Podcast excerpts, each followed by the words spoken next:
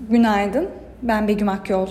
21 Ağustos 2023 tarihli haber başlıkları ve piyasa bültenini paylaşacağım. Merkez Bankası KKM büyüklüğünü azaltmayı hedefleyen adımlar açıkladı.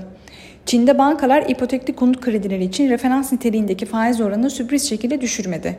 Piyasalar hayal kırıklığına uğradı. Tahvil boğaları derinleşen satışlara karşın pozisyonlarını bozmuyor. NABE anketine göre ABD'de yumuşak iniş umutları arttı. Piyasalara genel olarak bakacak olursak pay piyasalarında seçim sonrası dönemde biz kademeli normalleşme, negatif reel faiz politikasının sürüyor olması ve momentum kaybetse de devam eden yabancı girişi gibi etkenlerin desteğiyle önemli bir düzeltme gerçekleştirmeden sert bir yükseliş kaydetti.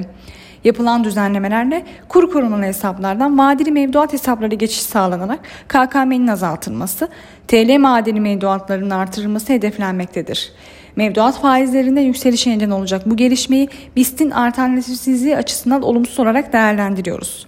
BIST yüzde yeni düzenleme ve bilanço döneminin de sonuna gelmiş olmamız nedeniyle kar realizasyonları ile kısa vadeli bir düzeltme yaşanabileceğini düşünüyoruz.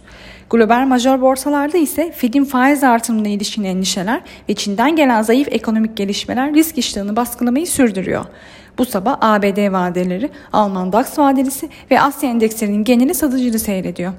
Teknik analiz verilerine bakacak olursak, Kısa vadede 7100 ve altına gerilemeler yeni pozisyon açmak için alım fırsatı, gün içinde 7580 ve üzerine tepki yükselişi ise satış fırsatı olarak takip edilebilir.